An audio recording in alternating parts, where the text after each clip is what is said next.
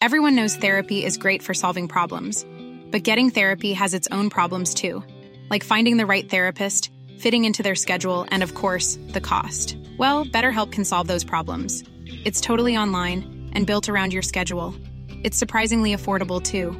Connect with a credentialed therapist by phone, video, or online chat, all from the comfort of your home. Visit betterhelp.com to learn more and save 10% on your first month. That's BetterHelp H E L P. This is Paige, the co-host of Giggly Squad, and I want to tell you about a company that I've been loving, Olive and June. Olive and June gives you everything that you need for a salon quality manicure in one box. And if you break it down, it really comes out to $2 a manicure, which is absolutely insane. It's also so easy to get salon worthy nails at home with Olive and June. The difference between how your nails used to look when you did them yourself and now with the Manny system is a complete game changer. The best thing about Olive and June too is it's a quick dry. Dries in about one minute, lasts for five days, and full coverage in up to one to two coats. Visit oliveandjune.com slash perfectmanny20 for 20% off your first system. That's oliveandjune.com slash perfectmanny20 for 20% off your first system. A lot can happen in the next three years. Like a chatbot may be your new best friend. But what won't change? Needing health insurance. United Healthcare Tri Term Medical Plans are available for these changing times. Underwritten by Golden Rule Insurance Company, they offer budget friendly, flexible coverage for people who are in between jobs or missed open enrollment. The plans last nearly three years in some states, with access to a nationwide network of doctors and hospitals. So, for whatever tomorrow brings, United Healthcare Tri Term Medical Plans may be for you. Learn more at uh1.com. Onsdagen den 2 januari 1935 så checkade en ung man in på ett hotell i Kansas City. Han uppgav namnet Roland T. Owen och att hans hemstad var Los Angeles. Mannen blev tilldelad rum 1046. Bara några dagar senare, strax efter midnatt under lördagen den 5 januari, så avled Roland till följd av skador från en brutal och tortyrliknande misshandel som hade ägt rum på hotellet. Efteråt dök det upp vittnesmål om allt från mystiska telefonsamtal till märkligt beteende från Rolands hotellrum. Det dök också upp väldigt många frågor kring vem den här mannen egentligen var, varför och av vem han hade blivit mördad och hur det ens hade gått till. Vissa av de här frågorna har man än idag aldrig lyckats besvara.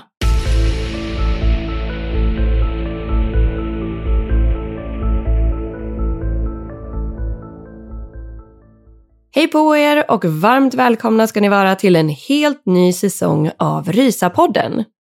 Och nu är i alla fall hälften av oss tillbaka igen efter det här eh, lilla uppehållet som vi har haft. Det är nämligen som så att Mickis är och kommer att vara fortsatt föräldraledig under en tid framöver här. Så tills vidare så får ni helt enkelt stå ut med mig, Annie. Och just den här veckan får ni tyvärr också stå ut med att jag är lite förkyld. Men förhoppningsvis så är det just de fallen som vi tar upp här i podden som ni är mest intresserade av. Och det kommer det att komma en hel del av nu framöver. Vi ska nämligen testa ett lite nytt upplägg som innebär att under vissa måndagar under säsongen så kommer det att släppas inte bara ett, utan två avsnitt. Och tanken är att det blir ett ganska omfattande avsnitt, men att det är uppdelat i två delar och att dessa alltså släpps på samma dag. Den första delen kommer att publiceras strax efter midnatt, precis som vanligt. Och den andra delen kommer att publiceras runt lunchtid. För vi har fått till oss att eh, väldigt många av er lyssnare faktiskt uppskattar när avsnitten är lite kortare och mer koncisa. Medan många andra av er gillar betydligt mer ingående och omfattande avsnitt. Så vi tänker därför att det här kan bli lite av en kompromiss av båda delarna. Och om man absolut vill lyssna på allting samtidigt, då kan man ju givetvis bara vänta tills båda avsnitten är släppta och riva av båda två på en och samma gång istället. Och för er som gillar lite kortare avsnitt så blir ju det här lite som att vi får hänga med er mer eller mindre hela måndagen eftersom att eh, ni kanske väljer att lyssna på del 1 på väg till jobbet och del 2 på lunchen på väg hem från jobbet eller kanske på en liten kvällspromenad. Så vi får se lite hur det känns helt enkelt. Och eh, vissa veckor under den här säsongen kommer det eventuellt bara att komma ett avsnitt som vanligt. Men på ett eller annat sätt så kommer det såklart ett nytt fall varje måndag. Och med det sagt så tycker jag att vi ska ta och sätta igång med den här veckans avsnitt. Och del två av det här fallet kommer alltså att släppas runt lunchtid idag. Och mer exakt så kommer det publiceras klockan 11. Sen kan det såklart finnas en liten fördröjning i vissa appar, men i de allra flesta så borde det dyka upp vid klockan 11 eller strax efter. Men det här fallet handlar ju, som ni redan vet, om det mystiska mordet i rum 1046. Och jag måste faktiskt säga att det påminner lite om ett fall som vi har tagit upp i podden tidigare. Nämligen fallet kring Peter Bergman, mannen som aldrig fanns. För här handlar det också om en man som checkar in på ett hotell under ett påhittat namn och som senare dör under väldigt mystiska omständigheter. Men jag tycker nog faktiskt att ni har fått vänta länge nog nu under uppehållet. Så vi tar helt enkelt och hoppar rakt in i del 1 och det första avsnittet för säsong 8.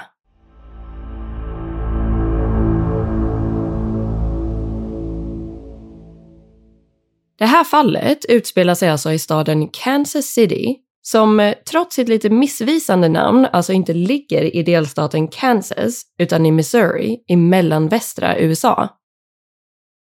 Runt klockan 20 över ett på dagen den 2 januari år 1935 så checkade en ung man in på ett hotell i staden som på den tiden gick under namnet Hotel President eller President Hotel. Mannen har beskrivits som att han skulle ha kunnat vara allt från 20 till 35 år gammal. Men enligt de flesta vittnesmålen ska han ändå sett ut att vara någonstans i tidiga 20-årsåldern. Han hade mörkbrunt hår och ett ganska stort och tydligt ärr uppe vid tinningen över sitt ena öra. Mannen hade också en skada på ena örat som brukar kallas för blomkålsöra eller brottaröra eftersom att det här är ett tillstånd som brukar drabba personer som håller på med till exempel brottning, boxning eller rugby.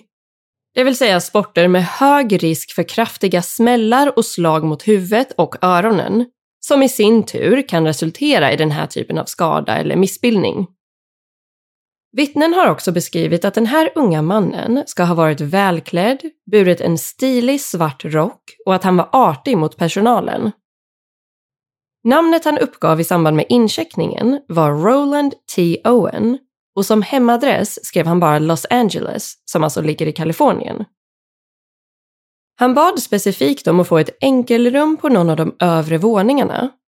Han bad också om ett så kallat interior room, vilket brukar innebära att rummet i fråga inte har några fönster överhuvudtaget, eller som i det här fallet, att rummets fönster vetter mot en innergård snarare än ut mot gatan. Utifrån sina specifika önskemål så blev Roland T. Owen slutligen tilldelad rumsnumret 1046 på våning nummer 10. En av hotellets anställda, en man vid namn Randolph Probst, fick sen i uppgift att eskortera den nya gästen till sitt rum. I samband med det här så ska Roland ha nämnt att han precis hade bott på ett annat närliggande hotell som hette The Mulebach Hotel. Han ska dock ha tyckt att priset per natt var lite väl saftigt där och han ska därför ha valt att byta till Hotel President istället. På det andra hotellet så ska han nämligen ha betalat 5 dollar per natt, vilket idag motsvarar ungefär 100 dollar per natt. Och det ska sägas att inget av de här hotellen var särskilt lyxiga, även om Hotel President kanske låter lite fancy om man bara utgår ifrån namnet. Men en annan sak som den här Randolph Probst noterade var att Roland hade ovanligt lite packning med sig. Han hade inga resväskor överhuvudtaget och det enda han hade packat med sig fick plats i hans jackficka. Mer exakt så ska det här ha varit en kam, en hårborste och en liten tub med tandkräm. Och Randolph ska då ha sett honom packa upp de här sakerna i samband med att han fick tillgång till rummet. Roland hade alltså inget ombyte med sig och ingen portfölj eller annan mindre typ av väska heller. Efter att Roland hade packat upp sina tre små saker så lämnade båda männen hotellrummet. Randolph, som jobbade på hotellet, låste rummet och lämnade sedan över nyckeln till Roland. Kort efter detta sågs Roland lämna Hotel President. Lite senare den här dagen så besökte en annan av hotellets anställda rum nummer 1046. Och det här var en städerska som hette Mary Soptic, eller Mary Soptich. Lite oklart. Hon ska då ha knackat på den låsta dörren och blivit insläppt av Roland, vilket ska ha förvånat henne lite eftersom att det hade bott en kvinnlig gäst i rum 1046 den senaste gången som hon var där och städade. Hon hade nämligen varit ledig någon dag innan det här. Mary noterade också att gardinerna var fördragna och att den enda ljuskällan i rummet var en svag liten lampa på skrivbordet. Mary bad om ursäkt och sa att hon absolut inte ville störa. Men Roland ska då ha sagt att eh, det inte var någon fara alls och att hon gärna kunde fixa och städa det som hon behövde. I samband med att Mary började städa så tog Roland på sig sin svarta rock, borstade igenom sitt mörkbruna hår och lämnade rummet. Innan han försvann iväg så bad han Mary att lämna dörren olåst när hon var färdig eftersom att han hade en vän som skulle komma dit om en liten stund. Vilket såklart var lite märkligt eftersom att han själv var på väg därifrån. Lite senare den här dagen, runt klockan fyra på eftermiddagen, så begav sig Mary återigen upp till rum nummer 1046. Den här gången för att leverera nytvättade handdukar. Dörren var då fortfarande olåst och rummet precis lika mörkt som när hon lämnade det tidigare. Tack vare den starka belysningen ute i hallen som lös in genom dörren så kunde hon dock se tillräckligt mycket för att kunna urskilja Roland liggandes på sängen, fullt påklädd. I samband med det här ska Mary också ha fått syn på en lapp som låg på skrivbordet med en kort text som löd Don, i will be back in 15 minutes. Wait. Och det är lite oklart om han och Mary utbytte några ord med varandra vid det här tillfället eftersom att det i alla fall inte finns några uppgifter om att de skulle ha gjort det. Dagen efter, alltså torsdagen den 3 januari, så besökte Mary återigen rum 1046 för att städa.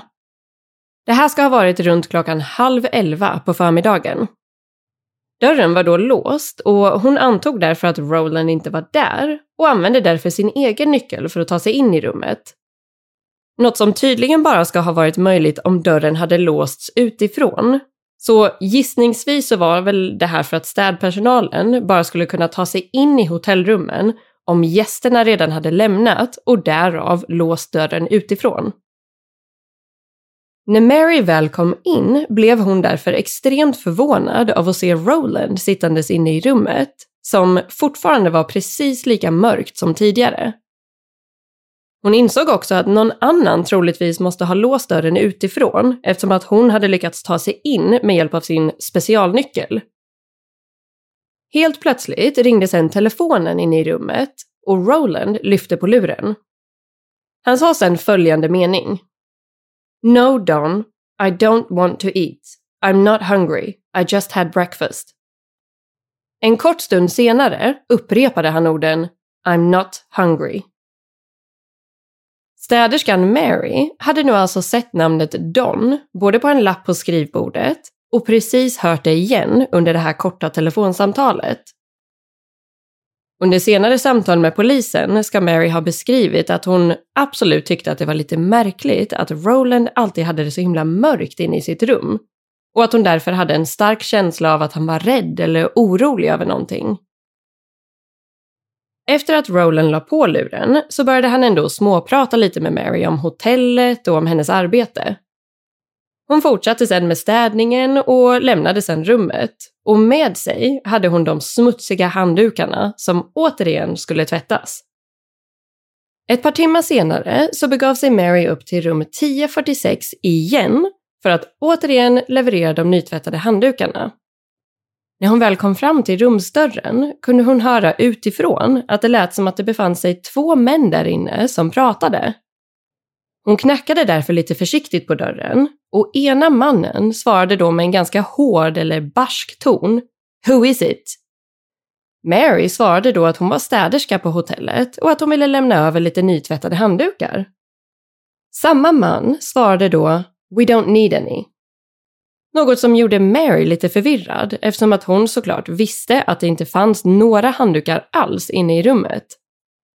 Men hon respekterade såklart gästens önskan och fortsatte med sina andra arbetsuppgifter istället.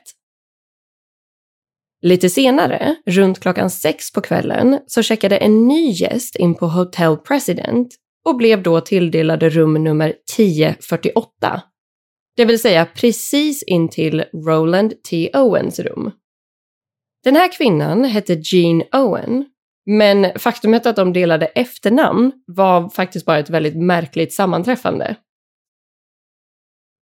Under natten sen, mellan torsdagen den 3 januari och fredagen den 4 januari, så ska Jean ha hört en hel del ljud och hon upplevde att det kom från ett närliggande rum på samma våning.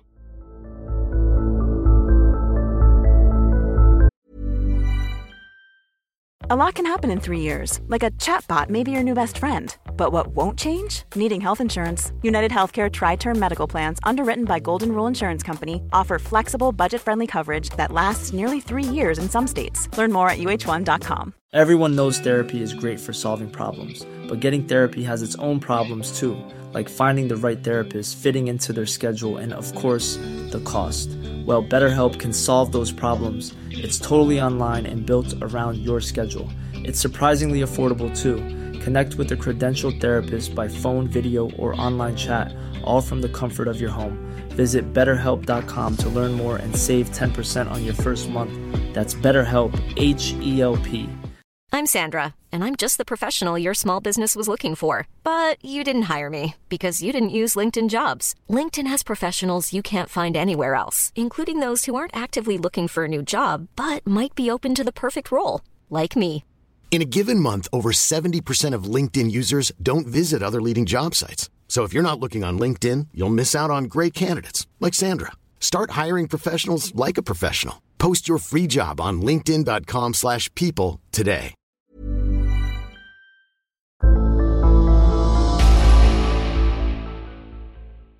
I sitt senare vittnesmål till polisen så beskrev Jean att hon ska ha hört både manliga och kvinnliga röster som yttrade en del svordomar och framförallt pratade väldigt högljutt. Vid ett tillfälle tänkte hon till och med ringa ner till receptionen och säga till, men eh, hon valde sedan att bara strunta i det istället. Ungefär i samma veva som det här, alltså under natten mellan den 3 och 4 januari, så arbetade en man vid namn Charles Blotcher som hissoperatör på hotellet. Ett jobb som eh, inte riktigt behövs idag, men som definitivt var aktuellt år 1935. Charles påbörjade sitt jobbskift runt midnatt ungefär och sen runt halv två-tiden på natten så blev det relativt lugnt inne på Hotel President. Däremot kom det en del ljud från rum 1055 där det verkade vara några gäster som festade till det lite grann. Charles stötte också på en kvinna som i artiklar om det här fallet brukar beskrivas som en så kallad commercial woman, vilket rent krast verkar betyda att hon var prostituerad. Den här kvinnan ska då ha frågat hissoperatören Charles om vägen till rum nummer 1026. Han stötte på henne igen senare och då ska hon ha varit lite förvirrad kring varför gästen inte verkade vara på sitt rum eftersom att det var han som hade kontaktat henne. Sen ska det ha varit lite dialog fram och tillbaka och kvinnan lämnade till slut hotellet. Ungefär en timme senare kom hon däremot tillbaka och då var hon i sällskap med en man och Charles körde då upp dem i hissen till våning nummer 9. Alltså inte våning 10 och rum 1026 som hon var på jakt efter tidigare. Ett tag senare så körde han ner kvinnan i hissen igen och hon lämnade återigen hotellet. Ungefär en kvart efter det så lämnade även mannen hotellet och han ska då ha sagt till Charles att han skulle gå ut och ta lite frisk luft eftersom att han inte kunde sova. Och även om han nu sa så till Charles så finns det inga bekräftade uppgifter om att han ska ha bott på hotellet, för då hade man ju kanske vetat vem det var. Men det här mötet uppges i alla fall ha ägt rum strax efter klockan fyra på fredagsmorgonen den 4 januari. Och från och med den här dagen skulle hotellets anställda bli ännu mer konfunderade kring vad som egentligen pågick inne i rum 1046, där Roland T. Owen fortfarande bodde kvar. Tidigt under morgonen den 4 januari så påbörjade nämligen Della Ferguson sitt jobbskift som telefonoperatör på Hotel President. I samband med att hon började jobba, runt sjutiden på morgonen ungefär, så noterade hon att telefonluren såg ut att vara avlagd inne på rum nummer 1046. Hon väntade en liten stund, men till slut så bestämde hon sig för att be sin kollega, Randolph Probst, att ta sig upp till tionde våningen och se till att telefonluren lades tillbaka. Det här var samma Randolph som hade tagit emot Roland när han checkade in ett par dagar tidigare och som hade visat honom till rummet. Så, Randolph begav sig iväg till rum nummer 1046 och möttes då av en låst dörr med den klassiska stör ej-skylten hängandes utanför. Trots att han knackade flera gånger fick han inget svar på ganska länge. Men till slut hördes en mörk mansröst som sa “Come in”. Vilket såklart inte gick eftersom att dörren var låst. Randolph knackade på igen och rösten inifrån sa då istället “Turn on the lights” vilket såklart inte gick heller eftersom att han befann sig utanför rummet. Han knackade sen ett par gånger till och till slut så tappade han tålamodet. Han ropade då in till rummet att telefonen inte får vara avlagd, men han fick då inget svar tillbaka. Därefter så begav han sig ner till lobbyn igen Väl där rapporterade han till sin kollega Della att gästen i rum 1046 troligtvis var full och att det kanske var värt att återkomma lite senare istället. Och med tanke på att det här var runt klockan sju på morgonen så kan man väl tänka att det känns rimligt att låta sina gäster sova ut lite grann. Men så resonerade inte riktigt personalen. För det här med att telefonluren inte fick vara avlagd inne på rummen var tydligen oerhört viktigt. Redan en och en halv timme senare, runt klockan halv nio på morgonen, så noterade Della att telefonen fortfarande var avlagd i rum nummer 1046. Den här gången skickade hon istället upp sin kollega Harold Pike för att undersöka situationen. När han kom dit så var dörren fortfarande låst, så Harold testade då sin specialnyckel och lyckades ta sig in i rummet. Vilket alltså borde betyda att dörren, återigen, på något vis hade blivit låst från utsidan eftersom att personalens nycklar inte skulle ha fungerat annars.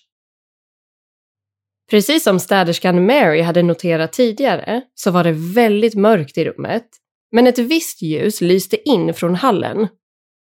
Tillräckligt mycket ljus för att Harold skulle kunna se att Roland låg naken i sängen.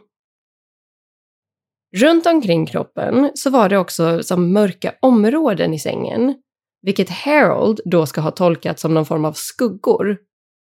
Han fick också en stark känsla av att Roland var väldigt onykter. Han noterade sen att telefonen hade ramlat ner på golvet.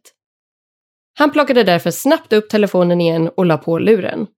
Precis som han hade blivit tillsagd att göra. Efter det här så berättade Harold för sina kollegor att Roland låg naken i sängen och att han troligtvis var full. Ett par timmar senare så noterade personalen återigen att telefonluren i rum 1046 var avlagd. Så runt klockan 11 på förmiddagen så begav sig Randolph Probst ännu en gång upp till tionde våningen och knackade på. Stör ej-skylten hängde fortfarande kvar utanför och återigen fick han inget svar. Och den här gången bestämde sig även Randolph för att försöka ta sig in i rummet med hjälp av sin specialnyckel. Han lyckades och klev in i rummet. Han kom dock inte särskilt långt eftersom att han ganska så direkt innanför dörren möttes av Roland som satt med båda knäna och armbågarna mot marken. Han höll också sitt blodiga huvud i sina händer. Randolph tände sedan lamporna inne i rummet och såg då blod överallt.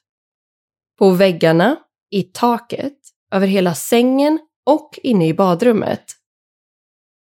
Han blev såklart oerhört chockad och skrämd av den här synen och valde att snabbt ta sig ner till lobbyn för att informera om vad han hade upptäckt. Randolph fick då med sig hotellets biträdande chef och de begav sig upp till rum 1046 igen. Den här gången gick det knappt att öppna dörren eftersom Roland tycktes ha kollapsat precis framför dörren. Men till slut lyckades de i alla fall att ta sig in och kort därefter anlände flertalet poliser och en läkare vid namn Harold Flanders. Det visade sig snabbt att Roland inte bara blödde från huvudet, utan han hade blivit torterad och misshandlad så till den grad att skadorna nu var livshotande. Dels hade han en fraktur på ena sidan av huvudet efter att ha blivit slagen. Han hade blåmärken runt halsen, vilket indikerade att han hade blivit strypt. Han hade flera knivhugg i bröstet, varav ett av dem hade orsakat en punktering i lungan. Rolands händer och fötter hade blivit ihopbundna med någon form av sladd eller rep. Det engelska ordet cord kan ju faktiskt betyda båda delarna, så det är därför lite svårt att veta exakt vad det är man syftar på. Men man tog i alla fall bort den här sladden eller repet från hans händer och fötter och försökte sedan få ur Roland så mycket information som möjligt medan han fortfarande var vid medvetande. Och vid något tillfälle här så ska de sedan ha befunnit sig inne i badrummet. Det finns information om att Roland ska ha upptäckts inne i badrummet av Randolph, men enligt de allra flesta källorna så ska det här alltså ha inträffat strax därefter. Men när Roland sen fick den viktiga frågan om vem som hade skadat honom och varit inne i hans hotellrum så ska han bara ha svarat “Nobody”. När han sen fick följdfrågan kring hur han hade blivit skadad så svarade han “I fell against the bathtub”. Och med tanke på Rolands extrema skador, inklusive knivhugg, så kändes det såklart inte särskilt sannolikt att han hade varit själv inne i rummet och att de här skadorna hade uppkommit av en smäll mot badkarskanten. Han fick även frågan om han hade orsakat skadorna själv och om han hade försökt ta sitt eget liv. Roland svarade då nej. Vid den här tidpunkten så började han tappa medvetandet mer och mer och fördes direkt till sjukhuset, men redan på vägen dit så hamnade han i koma. Trots alla försök så lyckades man tyvärr inte rädda hans liv. Roland T. Owen avled strax efter midnatt under natten mellan fredagen den 4 och lördagen den 5 januari. Det var fortfarande väldigt oklart vad som faktiskt hade inträffat i rum 1046. Men fallet gick nu från att vara en brutal misshandel till ett mord. Ett mord som polisen, media och allmänheten sent skulle glömma.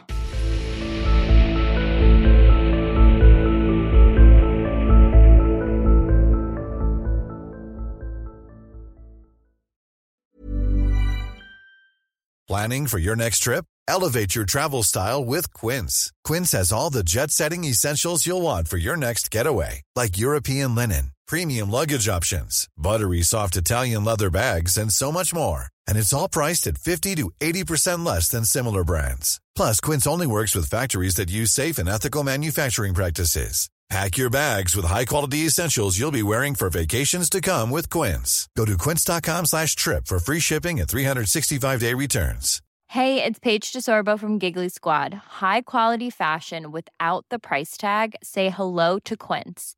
I'm snagging high-end essentials like cozy cashmere sweaters, sleek leather jackets, fine jewelry, and so much more. With Quince being 50 to 80% less than similar brands and they partner with factories that prioritize safe ethical and responsible manufacturing. I love that. Luxury quality within reach. Go to quince.com slash style to get free shipping and 365 day returns on your next order.